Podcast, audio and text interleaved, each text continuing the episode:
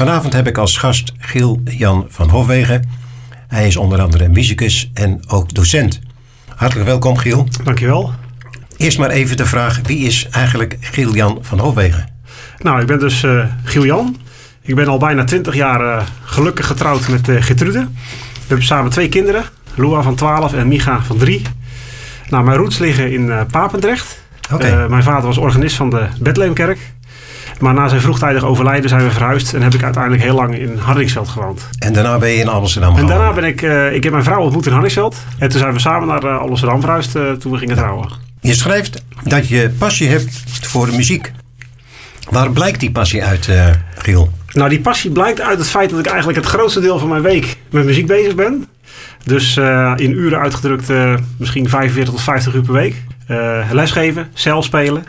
En eigenlijk is het gewoon een soort tweede taal voor me. Ik kan leven zonder muziek. Kan ik me niet voorstellen. Dus er klinkt bij ons thuis ook eigenlijk altijd muziek. Mijn vrouw is ook een groot liefhebber van muziek. Dus als ik boven ben in mijn woonkamer, dan staat er ook nog muziek op. Dus het zit, het zit in de genen. Mijn, mijn vader is ook muzikus. Dus, Hebben je ouders dat een beetje geleerd, als het ware? Muziek? Ja, ja mijn vader was, was muzikus. En ik was 2,5 toen hij overleden. Dus ik heb hem helaas niet lang gekend. Okay. Maar mijn moeder heeft altijd wel geprobeerd om die erfenis uh, over te dragen. Ik heb nog één broer en ook aan mijn broer, dus we hebben allebei les gekregen. Ja. Muziek was eigenlijk ook altijd wat het instrumenten thuis staan. Dus, en de kinderen? Ja, mijn, mijn dochter die is meer van, het, meer van de sport. Dus die, die houdt heel erg van sport. Ja. En mijn zoontje van, van drie, die, die kruipt regelmatig al zelf achter de piano. Nu ja, zit hij maar een beetje ja, ja. op zijn kleuters. Maar, ja. hij, maar goed, mijn dochter vindt op zich spelen ook wel leuk. Maar die, die, als het gaat om echt ervoor inzetten, dan is ze meer met sport bezig. Ja. je bent muzikus en ook muziekdocent.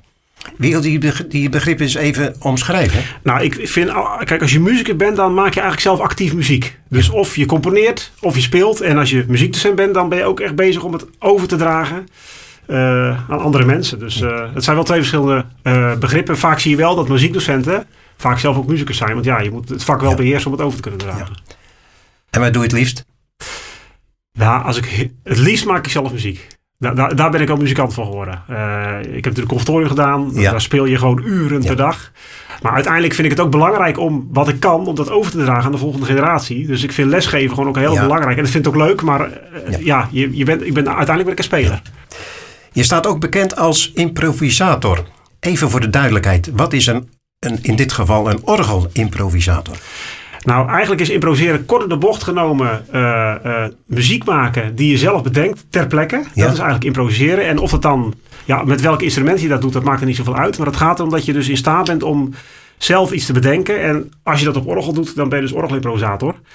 Um, dus je doet het op het instrument wat je beheerst. Maar het is eigenlijk gewoon ja, iets bedenken op het moment. Alleen mensen denken dan dat dat zomaar aan komt. Maar er zitten vaak wel heel veel vaardigheden achter die je wel in je hoofd moet hebben. Net zoals met een taal. Kijk, als ik Engels wil spreken, dan moet ik wel de taal beheersen. Is dat al aangeboren of moet je improvisatietalent aanleren? Beide. Het is aan de ene kant heb je, denk ik wel, is talent heel belangrijk. Uh, ik als kind, uh, ik improviseerde al omdat het gewoon, het moest eruit. Dus wat in mijn hoofd zat, dat moest er gewoon uit. Uh, tegelijkertijd zie ik ook in mijn lespraktijk ook wel dingen gewoon tot een bepaalde hoogte zijn aan te leren. Alleen het stukje creativiteit, dus dat je echt zegt, jongens, dit gaat net iets verder dan de rest. Ja, dat is talent. Dat moet je in, dat, dat moet je in je hebben. Maar tegelijkertijd heel veel mensen denken, oh ja, ik kan het niet. En dan leer ik ze dingen aan. En dan komen ze tot ontdekking dat ze toch heus wel wat dingen kunnen. Uh, kun je wat vertellen over je studie en, en opleidingen? Nou ja, ik heb... Uh, uh, privéles gehad van Henk van Egmond. Dat was een, een, een goede vriend van mijn vader. Dus uh, voor mij eigenlijk ook een soort tweede vader geweest. Ik heb eigenlijk top mijn achttiende hem orgles gehad. Uh, hele leuke tijd. Uh, daarna heb ik zes jaar uh, conservatorium gedaan bij Jos van der Kooi in Den Haag. Ja. nou, dat heb ik afgerond. toen heb ik nog twee jaar Pabo gedaan. Omdat ik dacht van ja, ik moet toch ook mijn brood kunnen verdienen. stel, stel dat ik niet aan de bak kom in de muziek, dan dus heb ik nog twee jaar Pabo gedaan. Toen nog, mocht ik ook nog twee jaar een master improvisatie doen. Dus er was een soort kopstudie op het conservatorium. Dus bij elkaar heb ik eigenlijk acht jaar bij Jos van der Kooi gezeten. Ehm, ik heb ook nog twee jaar schoolmuziek gestudeerd. Dus ik heb ook nog een bevoegdheid voor het voortgezet Oh ja. Uh, en daar, kan je ook, daar kan je ook terecht. Daar kan ik ook terecht, ja. En ik heb ook nog twee jaar hoofdvak muziektheorie gestudeerd. Maar dat heb ik nooit afgemaakt. Dat was een studie van vier jaar, maar dat was zo zwaar. Ook ja, in combinatie okay. met een baan. Ja.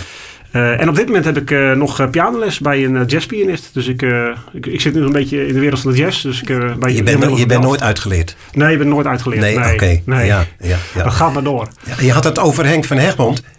Vroeger had je Piet van Egmond, hè? Ja, maar dat is geen familie van elkaar. Nee, nee, maar oké, maar die, die had echt improvisatietalent, hè? Ja, ja, dat is geweldig. Ja, hele eigen stijl. Ja, heel eigen ja, stijl. Onnavolgbaar. Dat is echt uh, heel boeiend. Ja. Ja, dat is natuurlijk vroeger eigenlijk Fijke Asma, Piet van Egmond, hè? Dat waren de twee grote namen. het was geen familie van elkaar. Nee, het was geen familie van elkaar. Nee, nee. okay. nee. Dat dachten, dachten, grappig genoeg dachten mensen dat wel eens. Dus uh, we wel leuke anekdotes soms. Ja, ja. Je had het al even over het, uh, het, het, lesgeven. Daar willen we gewoon even wat meer aandacht aan besteden. Ja. In, in welk opzicht uh, vind je dit, uh, dat lesgeven belangrijk? Nou, ik vind het heel belangrijk dat je de volgende generatie eigenlijk opleidt voor het instrument. dus daarom vind ik het ook belangrijk om een beginleerlingen les te geven. Sommige ja, collega's die vinden dat lastig, die doen dat liever niet. Maar ik heb zoiets van ja, ik, ik, ik, ik beheers het vak. Dus ik vind ja. het belangrijk om het goed over te dragen.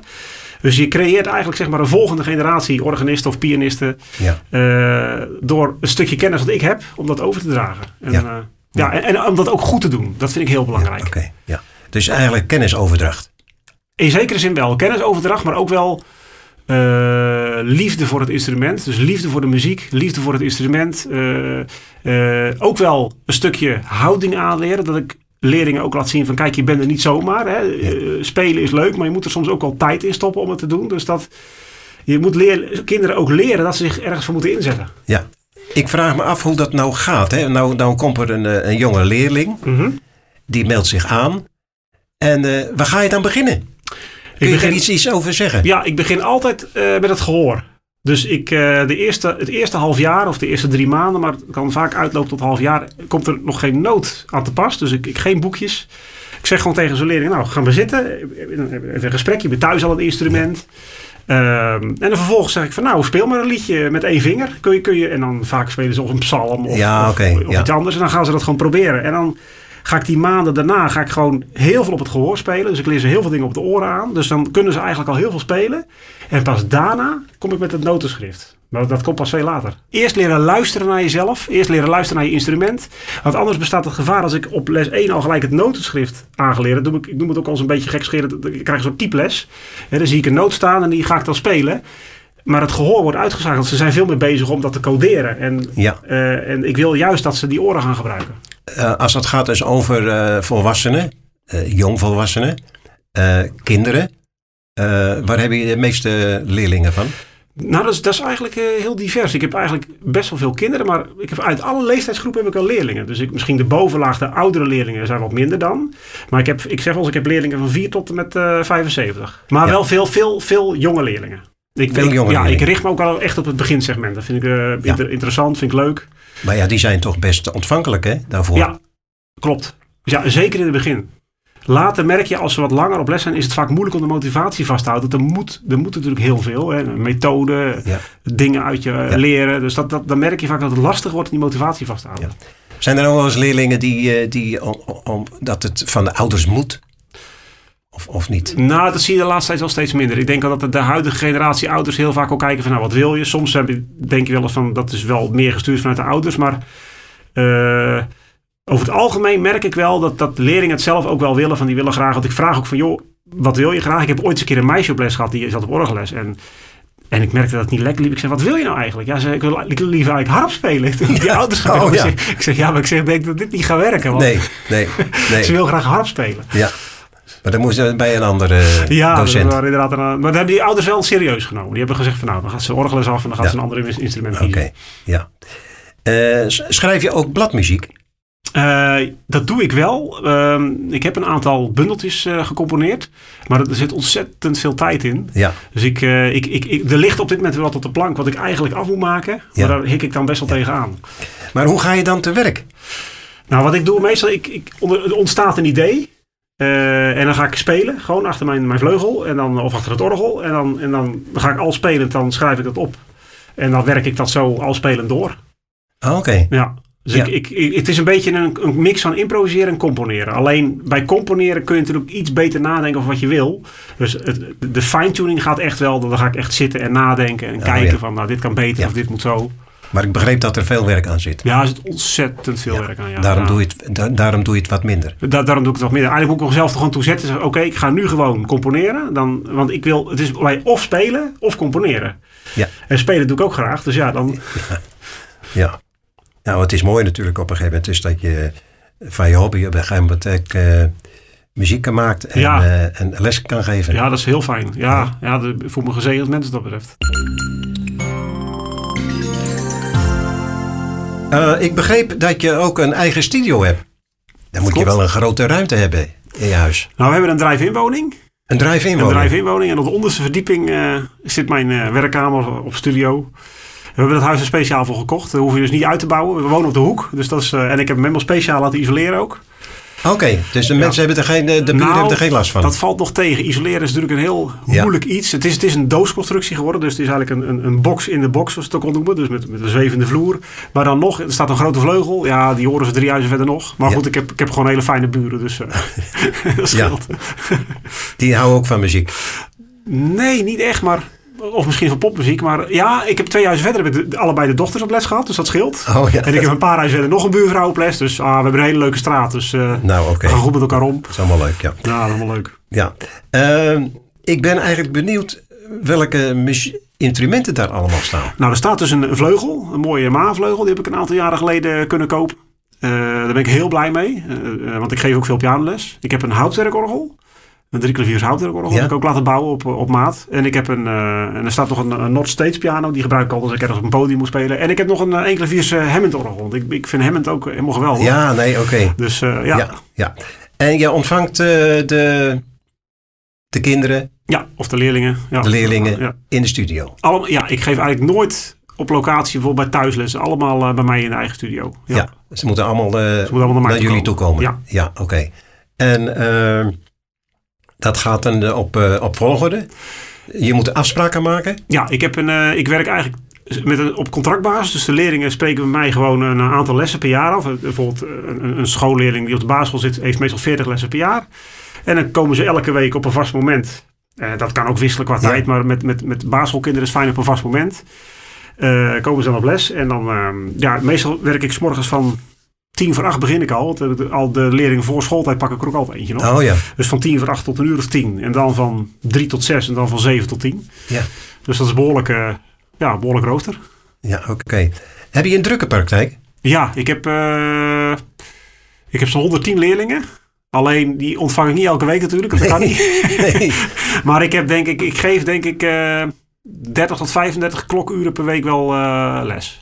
Oh ja. Ja, dus de ene week is dat 35 uur, soms is dat 32 uur, soms 33. Maar ja, boven 30 plus, eh, ja. Daar zit dus de meeste tijd in. Daar zit, ja, daar zit de meeste tijd in. Dat klopt. Ja. Ja. lesgeven, ja, dat is natuurlijk mijn broodwinning. Dus dat, eh, Ja, ja. Ja. Oké. Ja. Ehm, nou begreep ik ook dat je cd's hebt opgenomen. Ja. Eh, kun je enkele cd's noemen?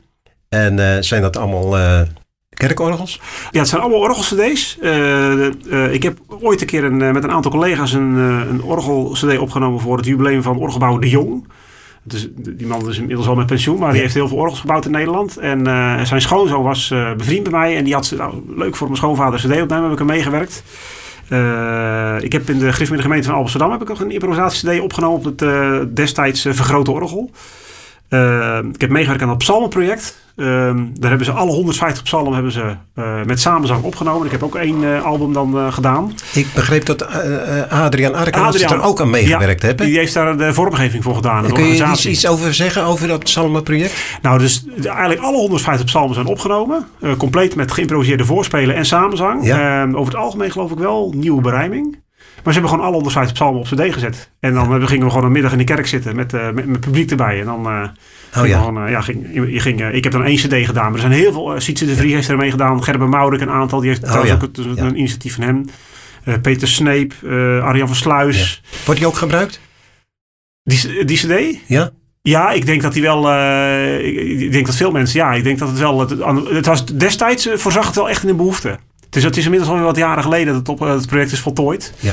Maar ik vind het een mooi, bijzonder project dat gewoon alle 150 psalmen Ja, gewoon, dat is eh, mooi. opgenomen zijn. Ja. En nou natuurlijk nog dat, dat complete tablatuurboek van Antonie van Doort. Eh, Oh, ja. Heb ik in 2016 dan eh, opgenomen. Heb ik eh, twee jaar aan gewerkt om het op te nemen. Of ja, om het in te studeren. Ja. En toen eh, drie, dagen, drie dagen tijd eh, opgenomen. Begeleid je ook kerkdiensten? Ehm, nou, ja en nee. Ik heb vanaf mijn vijftiende tot een aantal jaar geleden ben ik actief kerkorganist geweest. Eh, tot slot in de Grote Kerk hier in Amsterdam en de Maranatenkerk in Rotterdam.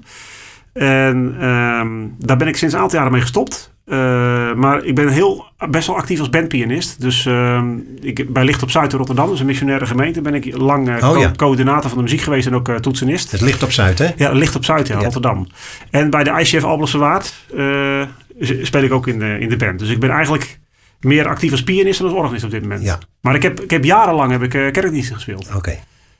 En eh, vind je dat niet meer... eh, Ja, ja, het, qua tijd natuurlijk, hè? het is ook al een tijdsinvestering. En, maar ik moet zeggen dat ik het samenzang eh begeleiden. dat, dat mis ik nog wel. Ik sluit niet uit dat het ooit nog een keer een keer terugkomt. Ik vind het, het pas afgelopen jaar heb ik in Frankrijk tijdens een vakantie een Nederlandstalige kerkdienst weer gespeeld. Ik moet zeggen dat samenzang begeleiden, dat Ja, blijft het dat is mooiste wat er is. Het Dat is, zo. Ja, prachtig. Het ja. is zo gaaf om te doen. Ja, zeker. Gewoon Ja. om een hele grote groep mensen aan het zingen te krijgen en ze mee te nemen. Dat is Ja, dat, dat kippenvel. Geef je ook concerten?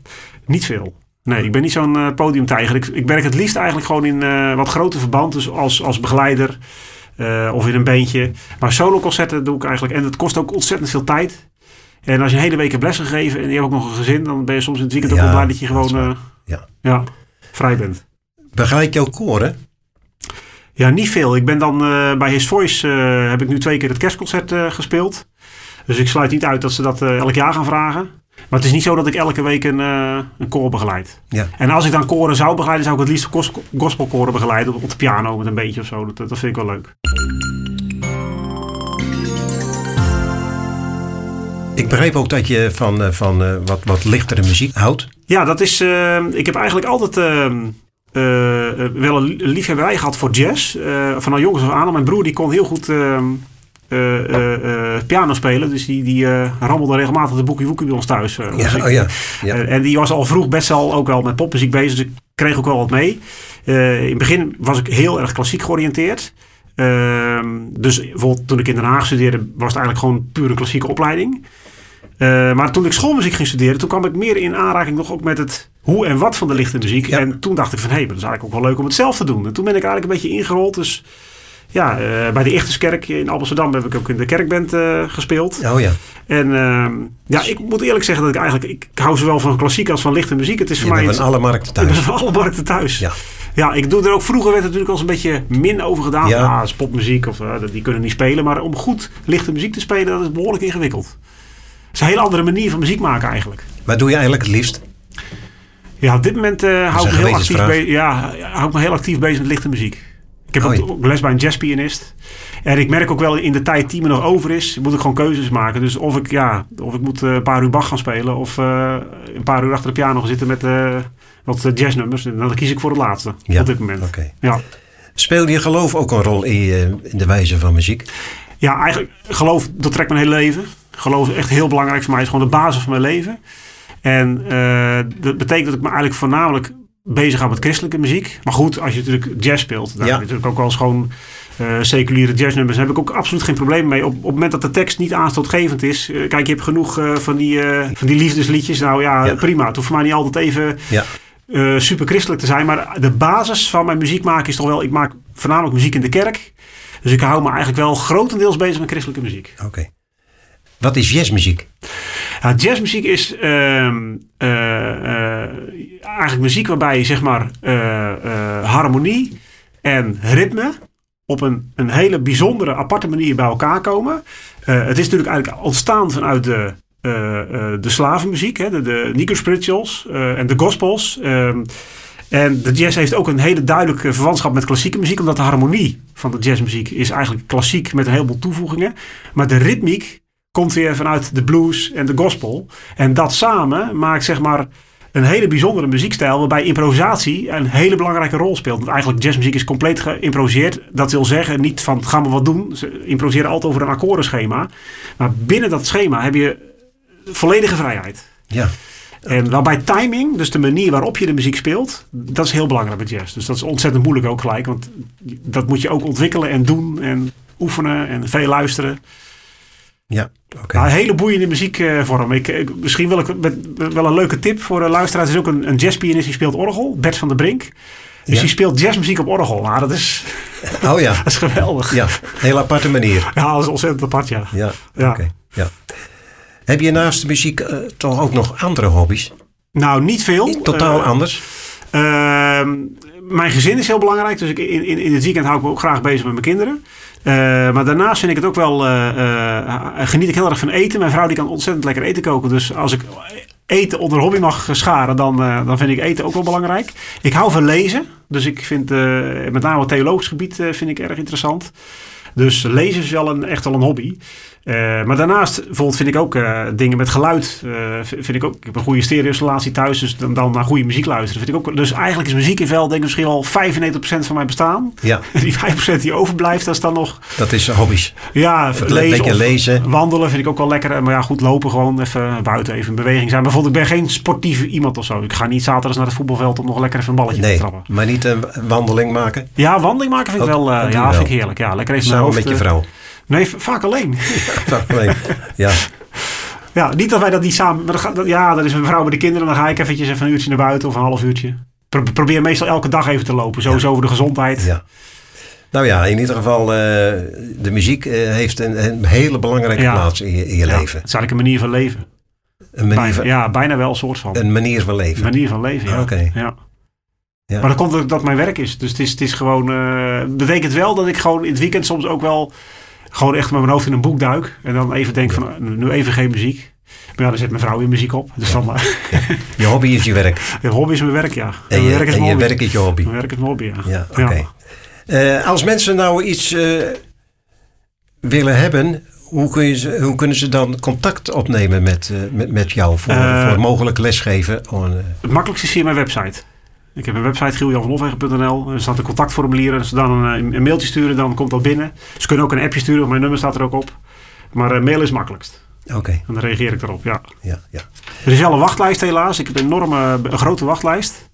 Dus, eh, Hoe lang moeten ze wachten? nou, een jaar tot anderhalf jaar wel. Is het zo? Ja, ja, ja. Ja. Dat is niet aantrekkelijk zo, lijkt mij. Nee, maar goed, het is natuurlijk ook goed dat leerlingen lang blijven. Dus ik, ik, ik- Ja. een groot verloop is ook geen goed teken. Ja. Maar het, ja, ik moet mensen vaak teleurstellen. Mensen die mede dan zeggen, nou, ik zou graag de zomervakantie willen beginnen. Ze, ja, sorry, Oh ja, maar ja. ja, moet even wachten nog. Hoe lang eh, doorsnee eh, krijgen ze les? Ik, nou, ik heb mensen wel, net eraan wat mensen willen. Kijk, als mensen, als kinderen met mij starten, dan, ik heb sommige kinderen al tien jaar op les. Eh, ik heb nu bijvoorbeeld een meisje op les. Nou, die zit mij al, eh, denk ik, al bijna tien jaar op les. Dus dat, eh, en op het moment dat wij nog niet uitgekeken zijn op elkaar van, qua, qua kennisoverdracht. Dus ze kan nog bij, mij- dingen bij me leren.